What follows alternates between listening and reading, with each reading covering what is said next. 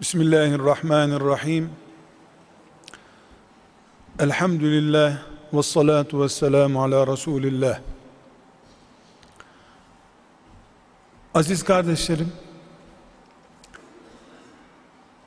uzun konuşmamızı gerektirmeyecek kadar her şeyin gözümüzün önünde ceryan ettiği bir zamanda yaşıyoruz. İnsanoğlu bu topraklarda iş gördüğü binlerce seneden beri görmediğimiz, duymadığımız, yaşlısıyla, genciyle insanların gündeminde olmayan olaylar duyuyoruz. Tıpkı gök yerdedir, yerde yukarıdadır dendiğindeki bozuk anlatım gibi sorun bulunduğunu gösteren olaylar yaşadığımız evlerde karşımıza çıkıyor. Ben sizin huzurunuzda bundan sonra gök demek tarla demektir desem bu ne kadar anlamsız, ters, huzur vermeyen bir ifade ise bugün yaşadığımız evlerde anne baba ile çocukların yer değiştirmesi de o kadar büyük bir çelişkidir. Dereler, ırmaklar yukarı doğru akar dediğimde Türkçe yanlış söylenmiş bir söz olduğunu herkes anlıyor.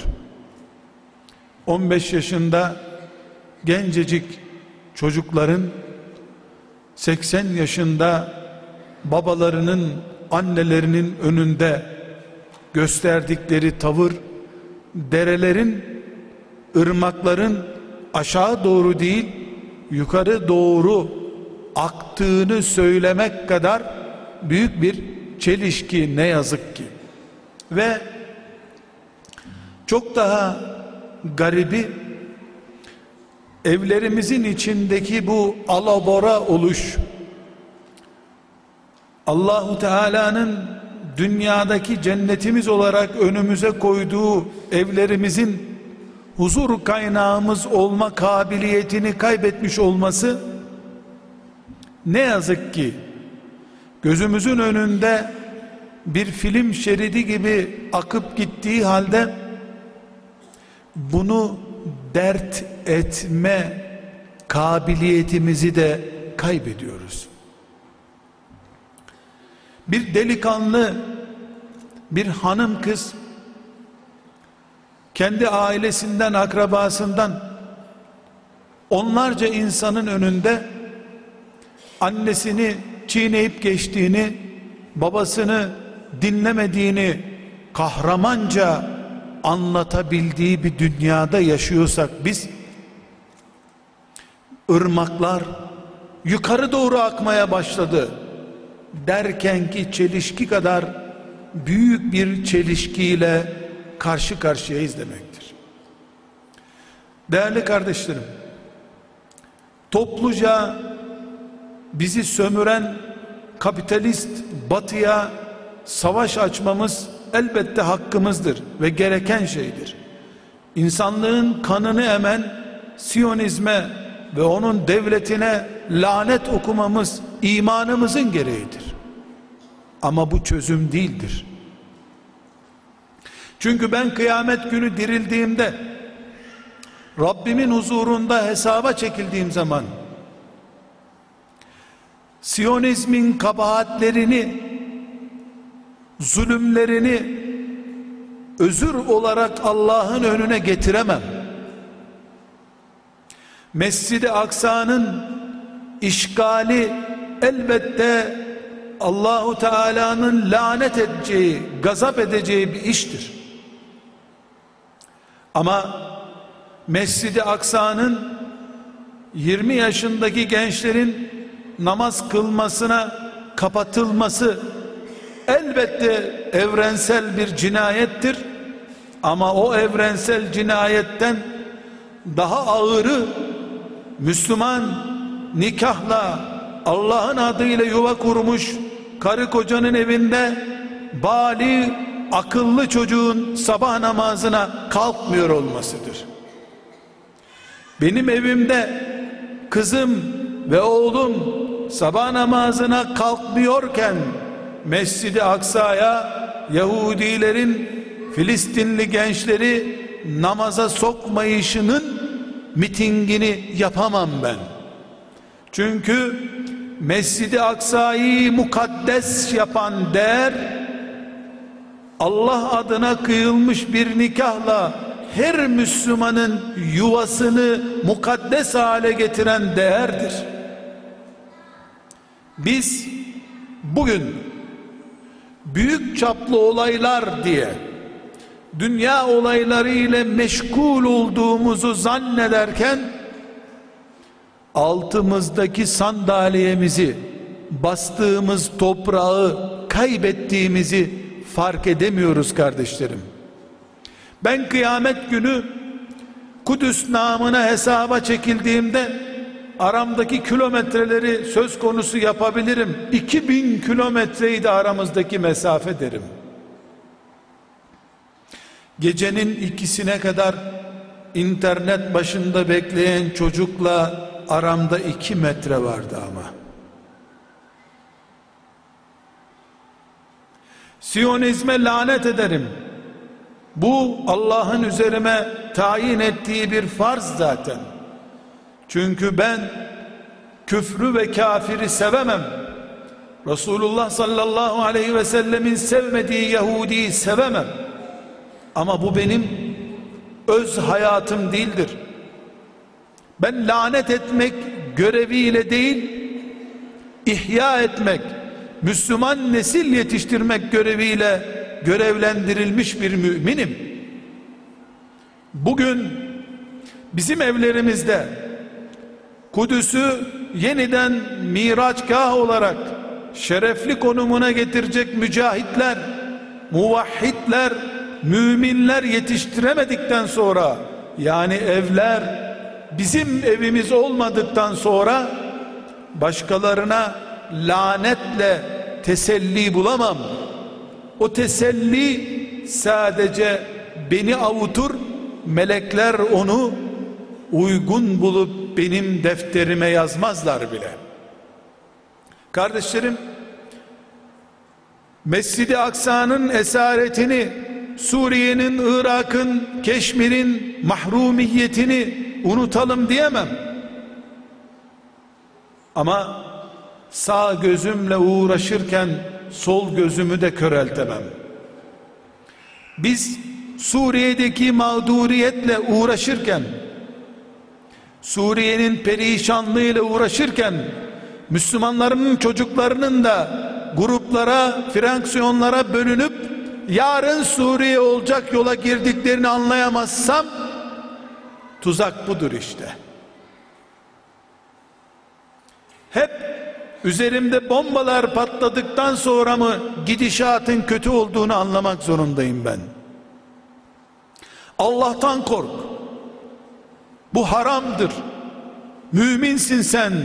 Bunu yapamazsın sözünün etki etmediği bir evde yaşayan insanlar yarın birbirini kıran Suriye'deki gruplar değil midir? Yarını gören insandaki basiretten söz edilebilir. Bugünden yarını görmemiz gerekmekte. Bunun için biz Mescid-i Aksa ile Suriye ile Irak'la Keşmir'le Azerbaycan'daki kardeşlerimizle Afrika'daki açlıkla filan yerdeki filan olayla muhakkak ilgilenelim de biraz da evlerimizle ilgilenelim diyorum. Biraz da evlerimizi koruyalım diyorum. Çünkü Rabbimizin huzurunda mahşer yerinde dirilir dirilmez ilk hesabımız doğduğumuz doğurduğumuz evlerimizin üzerinden olacak. Biz Allah'ın emanetiyle birbirimizin eşi olduk. Biz Rabbimize secde etmesi için yetiştirmek üzere anne olduk, baba olduk. Başkalarının yetim kalan çocukları kadar ruhu yetim bırakılmış çocuklar bizim çocuklarımızsa onlarla da ilgilenelim diyorum. Onun için doğuya batıya Afrika'daki açlığa kuzeydeki sıkıntılara Avrupa'daki gelişmelere döndüğümüz ilgilendiğimiz kadar buyurun Müslümanlar evlerimizle ilgilenelim giderse evimiz biz barınacak yer bulamayız. Benim evim benim için vatandır. Ve güneş aydınlığını çektikten sonra sokaklar boşalıp mağazalar kapanıp insanların çekildiği kapısını içeriden kapattıkları neresi ise bu dünyanın saltanatının mekanı da orasıdır evlerimizdir. Bizim evlerimiz bütün dünya çöküp yıkılsa bile Firavunlar ilahlık iddia edip yeryüzünde Allah'a kulluğu engelleseler çarşıları pazarları okyanusları vadileri Allah'a isyanla doldursalar bile perdeleri kapatıldıktan sonra evlerimiz bizim Allah'a ulaşacağımız miraçgahımızdır biiznillah. Nitekim nitekim zalim Firavun Musa aleyhisselama ve Harun aleyhisselama bütün yolları tıkatıp secde etmesinin bütün imkanlarını kaldırdıktan bloke ettikten sonra ne edeceğim ben ya Rabbi? Bu adam bize nefes aldırmıyor diye dertlenen Musa'ya Allahu Teala ne buyurdu? O zaman evlerinizi kıblegah edinin buyurdu. Ne demek kıblegah? Yani son sığınak noktanız evleriniz olsun. Son kalemiz iman namaz ibadet kulluk için son kalemiz evlerimizdir kardeşlerim burada ince bir hususu daha belirtmek istiyorum lütfen herhangi bir siyasi içerik yüklemeden sadece ufuktan seyrederek şu cümlemi tahlil ediniz. Bugün gençlerin hayatı, gelecekleri açısından Suriye caddeleri ölümcül değil mi? 20 yaşında 20 tane genç Suriye'de dolaşabiliyorlar mı? Hayatları tehlikede kendilerinden olmayan başka bir grubun ölüm tehdidi altındalar. Onlar da diğerlerini tehdit edecekleri bir durumdalar. Peki 20 tane genç Isparta sokaklarında 20 gün dolaştıktan sonra ana baba tanır, aynı peygambere aynı düzeyde iman eder bir şekilde evlerine dönebilirler mi? Filan yerinde dünyanın hayati tehlikeler var da bizim sokaklarımız ölümcül düzeyde fitne, fesat, ahlaksızlık, iman soğukluğu barındırmıyor mu? Bir Müslüman olarak biz tehlike deyince sadece bombalanmayı mı anlıyoruz?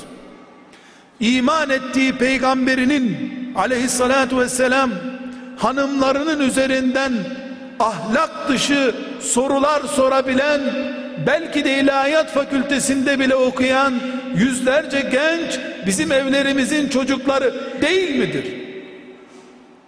Peygamber aleyhisselamın hadisleri yüzlerce senedir ümmeti Muhammed'in imanı, şuuru, ibadetini oluşturmuşken bugün peygamberin sözlerini bile gazete manşeti gibi yorumlamaya kalkan nesiller bizim evlerimizden yetişmedi mi? Bir sorun, bir uçurum, bir sıkıntı içindeyiz kardeşlerim. Evlerimize dönmek zorundayız. Evlerimizde ne durum var? Tahlil etmek zorundayız. Akşam içeriden kapısını kapatıp oturduğumuz evde yabancı var mı yok mu merak etmek zorundayız.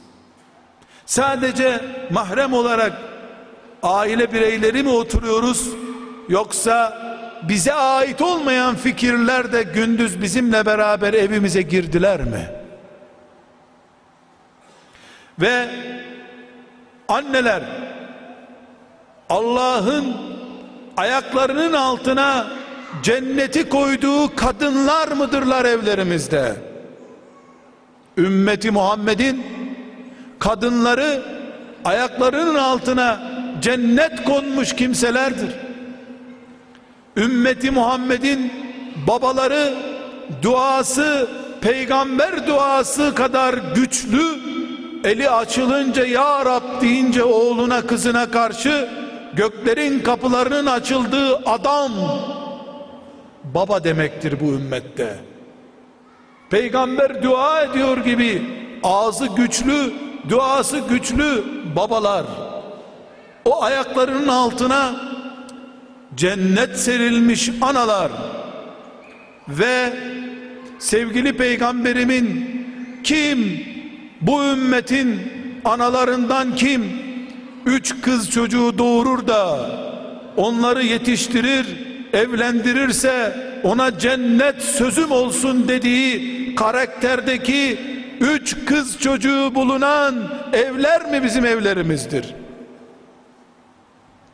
Kardeşlerim elbette 50 sene önceki yapılanmaya göre evlerimiz çok modern. Boyalı, cilalı, koltuklu, mobilyalı. Ama 50 sene önceki barakalarda yaşayanların huzuru romanlarda kaldı. Hatıralarda kaldı. Onlar akşama kadar tarlada çalışıyorlardı. Bitkin vaziyette eve geliyorlardı. Saatleri olmadığı halde çalar saat bulunmayan bir evden sabah namazına çok rahat kalkıyorlardı. Akşama kadar makineli bir hayat yaşadığımız halde kaslarımız tembelleşmiş bir hayat yaşadığımız halde sabah namazına bütün çalar saatlere rağmen kalkamıyoruz. Ne oldu bizim evlerimize? Buyurun Kudüs'te meşgul olduğumuz gibi Suriye ile meşgul olduğumuz gibi Afrika'daki açlıkla meşgul olduğumuz gibi evlerimizdeki ruh açlığıyla da meşgul olalım. Bir de herkes evine dönsün. Ne oluyor evimizde? Siyasetçiler seçim zamanında bize çok şeyler vaat ediyorlar. Doğmamış çocuklarımıza bile maaş vaat edecekler neredeyse. Az daha konuşsalar ölmeme garantisi de verecekler. Kimsenin ölmediği Türkiye sözü verecekler bize yakında. Benim evimde babalık zevki, annelik mutluluğu yaşayacak mıyım? Okullarda bu ruhu çocuklara verebilecek misin? Ben esir de düşsem maazallah nihayet bana bir ev verirler herhalde. En azından bir göçmen kampına konurum. Ama bu dünyanın en doğal oluşumu olan analık, babalık, evlatlık, eşlik ilişkisi betonlaşmaya doğru gitmiştir. Eğer ezanların okunduğu topraklarda Allah'ın adıyla Muhammed Aleyhisselam'ın sünnetiyle Ebu Hanife'nin iştihatlarıyla bunun kocası mısın bunun karısı mısın sorusuna evet evet evet diye Allah'ı şahit göstererek kurduğumuz yuvalardaki kadınları ancak kanunla koruyabilir hale geldiysek hiç kimse evimizin bulunduğunu söylemesin bir daha. Kefili Allah olan bir nikahı jandarma mı korurmuş be? Doğru perdelerimiz yılı geçmeden değişir oldu. perdenin perdesi bile var evlerimizde artık. Onun da güneşliği var. Onun da tutkaçları var. Onlar da bir perde kadar kumaştan yapılmış. Pencerenin perdesinin artan, duvarı örten bölümü de bir pencere kadar. Çok güzel. Ama ruhumuz da dünyadan ahirete perdelenmiş. Huzur yok. Perde var, huzur yok. Mobilya var, evde oturmaya ahenk kalmamış. Müslümanların yaşadığı toplumlarda kadınları jandarma koruyorsa erkekten evlerin Allah'ın adına kurulmuş evlerin peygamberin sünnetini yaşatmak için kurulmuş evlerin ancak teröristler için çıkarılmış kanunlar gibi hatta ve hatta bir teröristi ihbar edince o terörist üzerinden savcılık soruşturmalar yapıyor da mahkeme tutuklama kararı çıkarıyor da ondan sonra çağrılıyor. Bir kadın kocasını ihbar etmeyi düşünse bile bu düşünceyle bile adam 6 ay evinden kovuluyor. Terörizmden çok daha tehlikeli görülen bir durumda ise Müslümanların besmele ile kurdukları evleri bırakın Suriye'yi Allah aşkına ya bırakın Mescid-i Aksa'yı felçli bir dede bir gün Mescid-i Aksa'yı hürriyetine biiznillah kavuşturur bizim delikanlılarımız şu hürriyete bir kavuşsalar evlerinde yeter ki biz cambazın aa buraya bak derken asıl cebimizden harçlığımızın çalındığını anlayamadığımızı zannediyorum. Ekonomi haberleri kadar çökmüş aile haberleri bizi ilgilendirmiyorsa vay halimize kardeşlerim. Vay halimize bizim. Artık gerçekçi olmak zorundayız. Evlerimizde büyük bir erozyon bizi Allah'ın huzur kaynağı olarak ikram ettiği yuvalarımızdan koparmaktadır.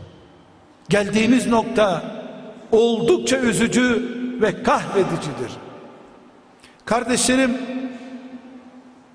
bir annenin babanın doğurduğu çocuğuna uygun bir eş bulma endişesi diye bir endişesi olur mu? Nüfus kıtlığı mı var bu ülkede? Yüz binlerce evlenememiş genç kız, yüz binlerce evlenemeyen genç delikanlı ve kimse evlenecek birini bulamıyor. Bu neyi gösteriyor? birbirimizden kopuk bir insanlık yaşıyoruz. Yuvalarımız, evlerimiz mukaddesliğini kaybediyor. Nasıl olsa çiçek verdin mi iyi adam oluyorsun. Narin bir teşekkür ettin mi iyi kadın oluyorsun. Sonra da bildiğini yapıyorsun tabi. Kardeşlerim büyük bir istila altındayız. Evlerimiz en az Suriye kadar işgal edilmiş durumdadır. Mescid-i Aksa'yı kurtaracak mücahit bizim evlerimizde doğup büyüyecektir. Memba benim evimdir. Ben evimden cihat ruhlu dünyaya tenezzül etmez Allah'tan başkasına boyun eğmez kıyamet günü hesap vereceğine iman ettiği için zulmetmez kadın ve erkekler yetiştiremedikten sonra gerisi hep edebiyat edebiyat diplomalar mezara taşınmıyor. Zenginlik ahirete intikal etmiyor. Perdelerimiz evlerimizdeki saray perdelerinden kefen olmaz. Kefen olmaz onlardan. Kardeşlerim aziz bacılarım beyefendi kardeşlerim Biz bu dünyaya sinek kanadı kadar bile değer vermeyen Allah'ın kullarıyız. Bizi dünyaya tenezzülsüzlük eğitiminden geçiren Muhammed Aleyhisselam'ın ümmetiyiz. Biz farklıyız. Dünya avuçlarımızın içinde olacak kadar bizimdir. Kalbimize hiç yanaşmayacak kadar bizden uzaktır. Eğer bir gün dünya bizi işgal ederse, birbirimizi dünya kadar görürsek, dünyalık bir meta gibi görürsek, bu ümmetin vasıflarından en önemlisini kaybetmiş oluruz. Onun için camilerden önce camilerden önce camilerden önce Kur'an kurslarından önce İmam Hatip liselerinden önce ve eğitimlerden konferanslardan önce gözümüz evlerde olmalıdır. Üç yıl gidilen Kur'an kursu ömür boyu yaşanan evin muadili bile olamaz. Muadil bile değildir. Evimizi Kur'an evi yapmak zorundayız. Evimizi camileştirmek zorundayız. Evimiz bizim hem hesabını vereceğimiz ilk hesap noktamızdır hem de camiden önce Kur'an kursundan İmam Hatip Lisesi'nden önce hükmedebileceğimiz pratik bir Müslümanlık ve insanlık yaşayabileceğimiz bir yerimizdir. Bunun için değerli kardeşlerim artık gerçekleri kabul edelim. Biz evlerimizden niye soğuduk biliyor musunuz? Çünkü dünyadaki evlerin cennetteki kadar iyi olacağını, güzel olacağını hayal ettik. Bu hayali Allah bize gözümüzün önünde ters bir şekilde yaşatmaktadır. Eşlerimizden lütfen dikkat ediniz tekrar söylüyorum eşlerimizden Allah'tan bekler gibi bekledik. Ancak Allah'ın vereceği şeyleri eşlerimizden bekliyoruz. Mutluluk, huzur Allah'ın kuluna ihsanıdır. Eş bulsa kendisi huzur bulurdu. Eşlerden bekleyince de Allah'tan beklenecek şeyi alınacak ücret Allah'tan alınması gerekirken eşler birbirlerinden hemen karşılık beklerken veremeyince birbirlerinin nankörü durumuna gelmişlerdir. Bunun için evlilik bir maceraya dönüşmüştür. Halbuki evlilik bir cihattı, Allah için çalışmaktı, gayret etmekti, karşılığını da Allah'tan almaktı. Bilhassa hanımlar şu gerçeği yeniden tefekkür etmek zorundadırlar. Bir annenin anneliğinin bedelini bu fani dünyada hangi evlat ödeyebilir? Bir kadının yıllarca koruduğu iffetini ve narin bedenini bir erkeğe nikah karşılığı vermesinin bedelini teşekkürünü hangi erkek yapabilir? Kimse yapamaz. Kadının karşılığını verse verse Allah verir. O da anne olduğu zaman ayaklarına cenneti getirerek karşılık veriyor. Kadınlık yaptığı zaman iste benden ne istersen diyerek eş olmanın bedelini cennet diye veriyor. Ama biz kocalarımızdan verdiğimiz yaptığımız şeylerin karşılığını istemeye kalkınca onları sadece iyiliğin karşılığını vermeyen nankörler olarak görmek zorunda kaldık. Aynı şey erkek için de geçerli. Bir insanın öbür insana hayatı kadar değerli mukaddesatını ve koruduğu şeyleri feda etmesinin karşılığı olsa olsa Allah'tan alınabilir. Kul kula ne versin? Bu şu demek. Biz bir tür bakkal işletir gibi iki ortak bakkal işletiyor gibi ev işletmeye kalktık.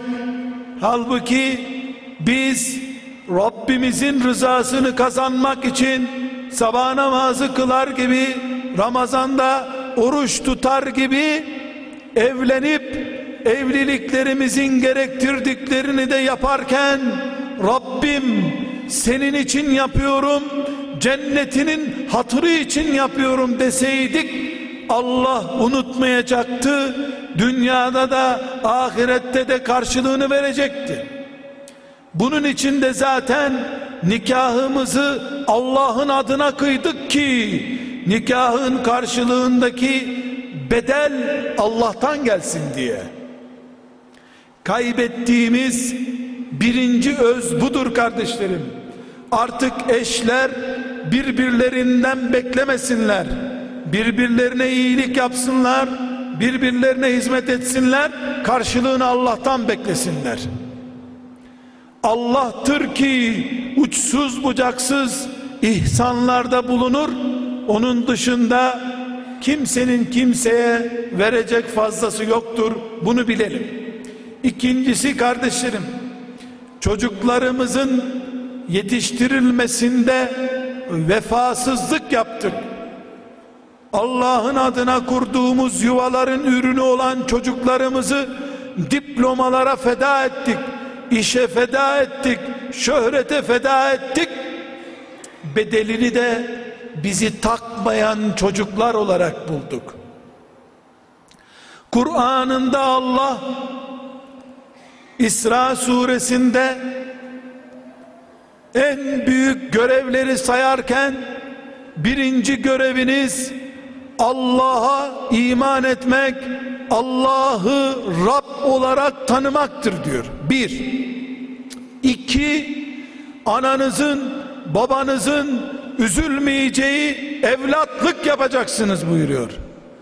Bunamış ihtiyar bir baba annen de olsa seni bunaltsa da of bile demeyeceksin diyor Allah. Kur'an İsra suresinde anneye babaya kendisinden sonraki en büyük makamı veriyor. Biz çocuklarımızı yetiştirirken Allah kaçıncı sırada? Kaçıncı sırada Allah? Diplomadan işten şöhretten günlük maişetten oyundan komşular ne derden? Sayalım bakalım doğduğundan beri edebiyat hariç. Bu çocuğu Allah'a adadık. Bırak bu edebiyatı. Pratik üzerinden Allah kaçıncı sırada bizi Allah anne baba olarak kendisinden sonraki koltuğa oturttu. Bana kulluk yapacaksınız ve ananızı babanızı üzmeyeceksiniz dedi. Biz yetiştirdiğimiz çocukların önce sabah namazı sonra okulu diyebildik mi? Diyebildik mi Allah dedi ama ben ve ananız babanız dedi.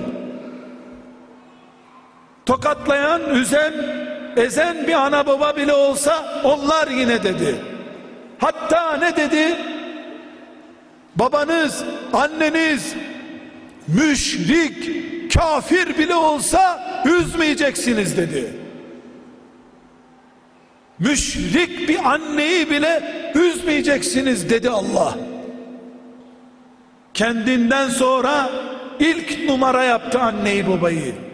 Vefa doğurduğun çocuğu Allah böyle sana hizmet ettirirken insanlık olarak sadece Müslümanlık olarak değil insanlık olarak bir vefa olarak böyle bir Allah'a her şeyden önce kul olmayı diplomadan, şöhretten, düğünden her şeyden önce kul olmayı öğretmeyi gerektirmez miydi vefa?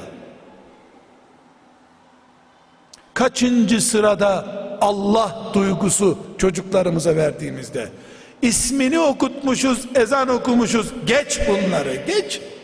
Bunları bırak. Pratikte nerede duruyor Allah? Şeriatı nerede duruyor? Daha da ötesi çocuğumuzun tıraşını bile peygamberin sünnetine göre yapacak kudretimiz kaldı mı?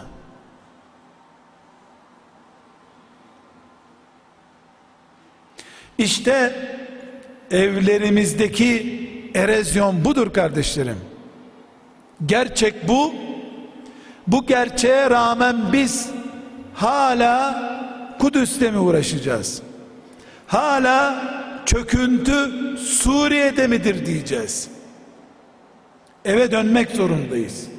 Herkes evine dönsün, evinde kalite kontrolü yapsın.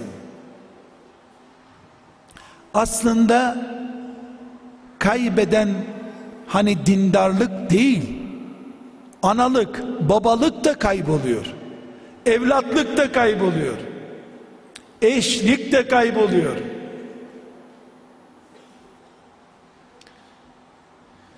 Kardeşlerim elbette acı kahreden üzen sözler söylüyoruz. Ama gerçek bu. Dönüşe mecburuz. Kurtuluş yolunu aramaya mahkumuz. Biz elbette çileli bir hayat yaşıyoruz. Bu çilemizde Allah bizim evlatlarımızın istediğimiz gibi olmamasını kaderimize yazmış olabilir. Bu kaderi bir kısım peygamberlerine de yazdı Allah. Çocuklarında istediklerini yapamadılar. Hiç istemedikleri konumda oldu çocukları. Bu mümkündür. Ama çocuğu Allah tanımayan Nuh aleyhisselam kalbi rahattı.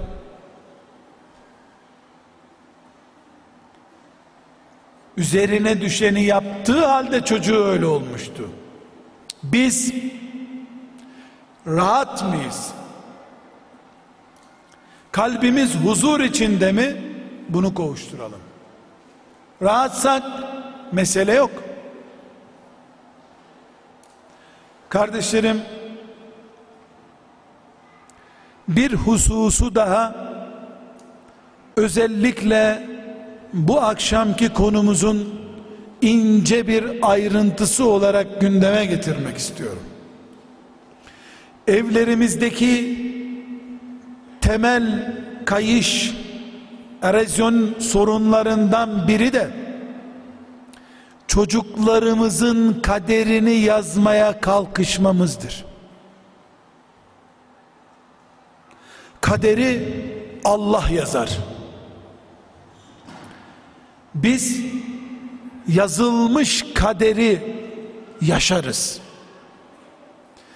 Rabbimiz doktorundan, hocasından, temizlikçisinden, siyasetçisine kadar her meslek için, her kabiliyet için insanlar yaratmıştır.